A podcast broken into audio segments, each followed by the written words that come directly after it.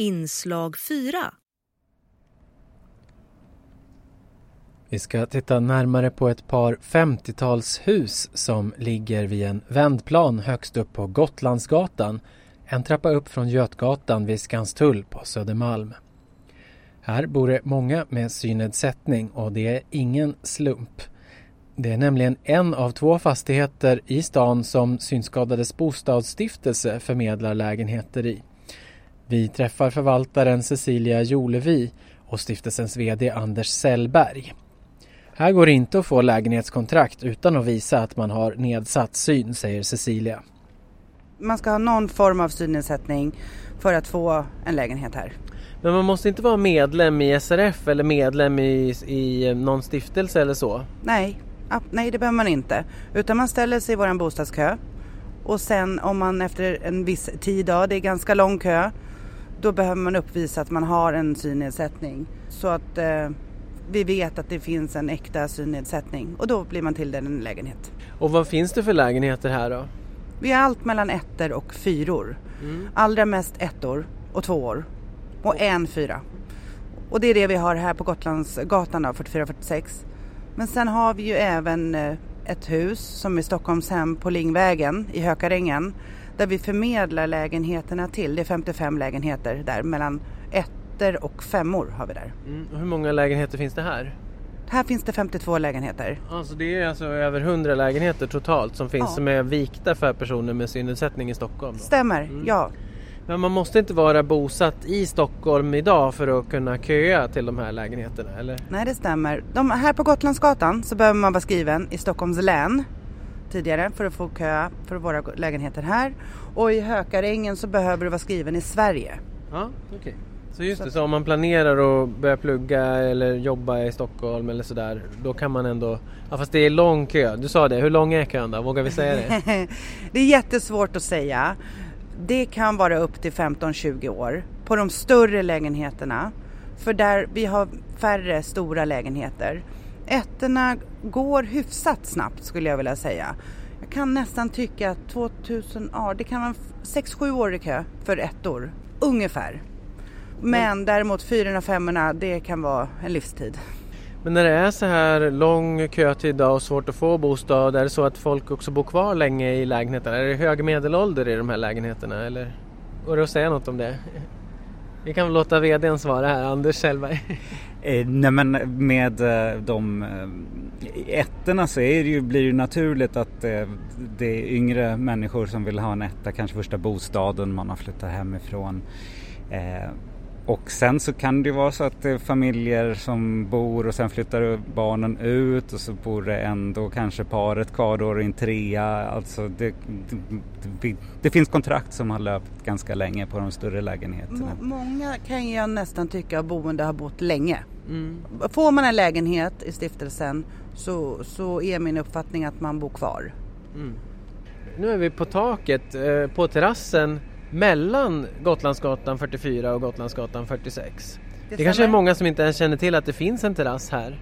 Så kan det vara, men det har vi mellan som alla är välkomna till att gå ut på. Det kan man vara om man är som besökare i Gotlandssalen. Kommer man upp här då ens? Eller? Nej, det gör man inte. Nej. Utan det är bara till för boende. Själv började hon som förvaltare för ungefär ett år sedan. Men stiftelsen den har funnits i nästan 80 år. Cecilia berättar hur det började början av 40-talet då man startade stiftelsen och äskade pengar för att få till boende för synskadade mm. i stiftelseform. Mm. Ja, eh, det var Stockholms stad eh, och SRF, eh, fast på den tiden hette de väl de Blindas förening. Ja. ja. precis. Som 1945 sköt, eh, Stockholms stad sköt till pengar och, och Eh, så bildade man det här och eh, Stockholms stad sitter ju inte längre kvar i styrelsen men styrelsen består ju av medlemmar som utses av SRF-föreningen, alltså SRF Stockholms stad och SRF eh, Stockholm Gotland. Just det, just det. Mm. Men um, tänker på när själva husen, om vi tittar på husen här, fasaden, de här två husen liknar ju varandra väldigt mycket. Det är ju vad ska man säga, det är ju sandstensfärg på fasaden här och sen är det lite ljusare gul på burspråken som sticker ut här. Är det rätt att beskriva det så? Ja det tycker jag. Men det är, är det, det är puts eh, fasaden här? Ja, putsade fasader och de är tilläggsisolerade efteråt. Ja. Så att det har lagts på en, en ett skikt senare. 1945 grundades det och 1905, vad ska vi, 51, 51 byggåret. byggåret. Ja, ja, så man samlade så att säga pengar först och sen så byggde man Precis. upp ja, från grunden. Då. Så att efter det har man lagt på ett ytskikt eller en tilläggsisolering på mm. fasaden. Men det ska likna hyfsat så som det var från grunden. Fönstren är original. Ja. Mm. Och de är av jättebra skick. För det har vi fått reda på av målarna. För det är precis nymålade fönster på mm. I och, hela fastigheten. Och all, är det så att alla lägenheter har balkong? Det är mycket Nej. balkonger här. Nej. Mycket balkonger men inte alla har balkong. Men det är många ettor också, de kanske inte har balkonger. Till, på den här gården där vi står just nu så finns det ju inte balkonger, inte utgångsdörrar, eller så franska balkongdörrar heller. Så att alla lägenheter som ligger på, ska vi säga våning ett då, har inte balkong. Däremot brukar vi säga att det är helt okej okay att ställa ut någon liten möbelgrupp och sådär på gården. Så att det Man finns har ställt lite blommor här. Jag ser pelargoner där, tror jag det är. Kan det vara? Ska vi gå närmare och titta? Vi, vi går och tittar. Eh, och då går vi förbi här också stora sådana här välvda bubblor med fönster som är då i marken här men ja. i taket under då. Eh, lanterniner heter de. Okay. Och, eh, från början då fram till 70-talet så var det betongglas eh, och eh, då var det mycket mer synskadeanpassat för nu är det ju lite snubbelrisk på de här ja. rutorna som sticker ut. Då kunde man alltså gå rakt på dem då innan? Ja, men betongglas hade den eh, dumma egenheten att det började läcka i skarvarna eh, så att det blev mm. lite för blött under och då satte man på de här lanterninerna istället då okay. någon gång på 70-talet.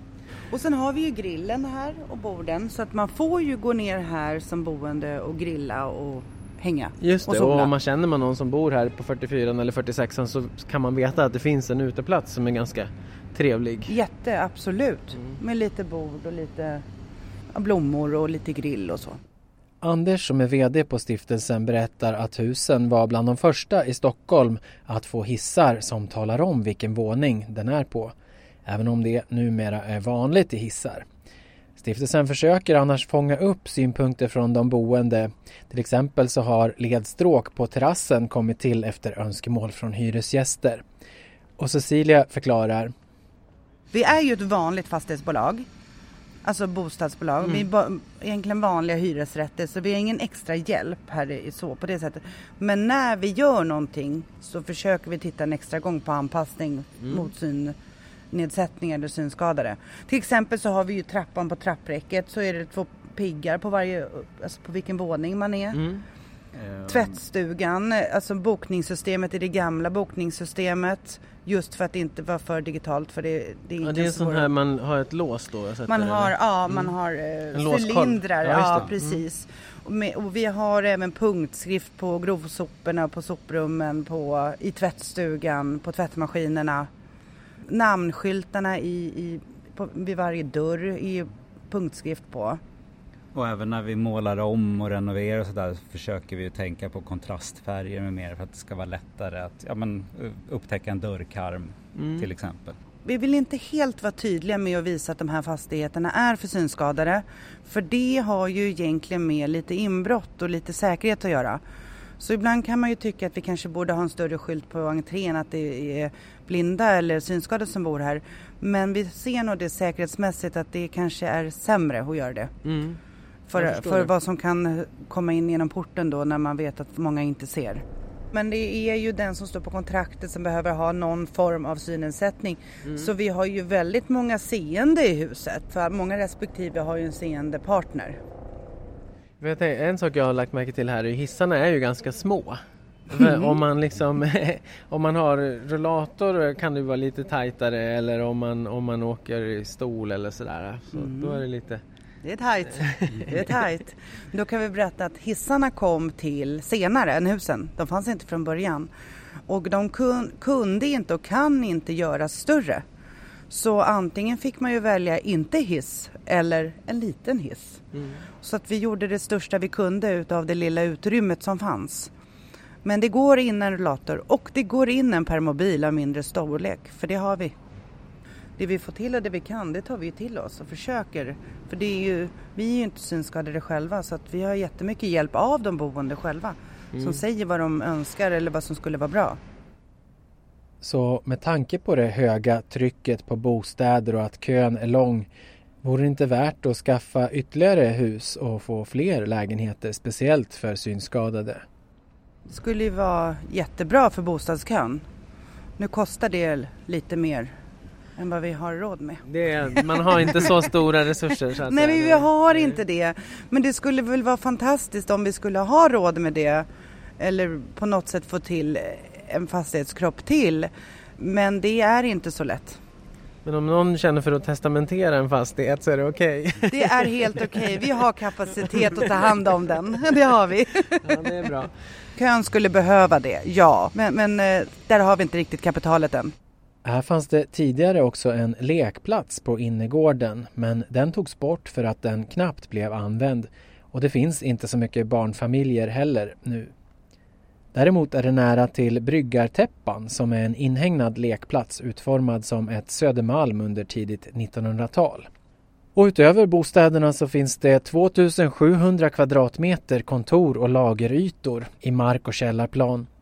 Och där finns det också ett syfte att ha verksamheter med koppling till synnedsättning, säger Cecilia. Så är man en, en eh, verksamhet som har synskadeverksamhet eller man är själv ägare eller driver en verksamhet där man är synskadad så tycker jag man nästan kan kontakta mig eller oss och berätta om man är sugen på att ha en lokal här och utgå härifrån och jobba härifrån. För att eh, det rullas lokaler, inte ofta, men vi har en 7-8 lokaler. Just det, och då tänker ni kanske på att det finns en poäng att ha det samlat då? Liksom. Absolut, ja och jag tror att många som har sina verksamheter mot synskadade eller er själv skulle tycka att det är trevligt att vara i våra hus. Mm. Så att jag är egentligen tacksam om man är lite sugen så kan man lika gärna få ställa sig, skriva in sig så har jag er om det dyker upp något.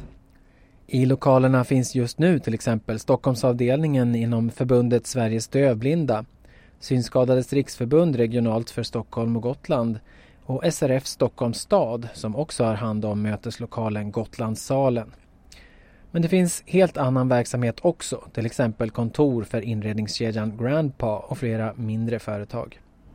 Första prioritet är ju verkligen att få det samlat och få in en synskadeverksamhet i mm. någon av våra lokaler. Mm. Har vi ingen som är synskadade som kommer in, då går vi på plan B mm. och då blir det ju en vanlig verksamhet. Men vi vill ju inte stå med tomma lokaler Nej, heller, vakanta lokaler för att leta efter den här verksamheten som kommer efter ett år. Det blir lite dyrt. Nej, mm. så man får gärna liksom skriva att man finns och har en mm. verksamhet. Så, så dyker det upp lokaler här så kan jag ju berätta att det finns. Mm. Det sa fastighetsförvaltaren Cecilia Jolevi och VD Anders Sellberg på Synskadades bostadsstiftelse i Stockholm. Vi tar och summerar villkoren för att få en lägenhet hos Synskadades bostadsstiftelse. Den som vill köa till bostäderna på Gotlandsgatan måste som sagt ha en dokumenterad synskada. Det kan syncentralen utfärda intyg på. Och så ska man vara över 18 år och folkbokförd i Stockholms län. Däremot går det att vara skriven var som helst i Sverige för den som vill köa till Stockholmshems bostäder på Lingvägen som stiftelsen också förmedlar bostäder till. Och det är viktigt att veta att en gång om året måste man meddela sitt intresse och stå kvar i kön, annars hamnar man utanför. Det går bara att köa till en lägenhetsstorlek i taget, men om behoven ändras så kan man ändra sig från att till exempel köa på en etta till att köa för en tvåa om man behåller sin kötid då. Och då görs också en kreditupplysning för att se att man bedöms att klara hyran. Men annars är det helt och hållet kötiden som avgör och den är just nu lång som sagt. Och mer information och ansökningsformulär det hittar du på syb.se på nätet. Eller ring 08-643 1101 till Synskadades bostadsstiftelse.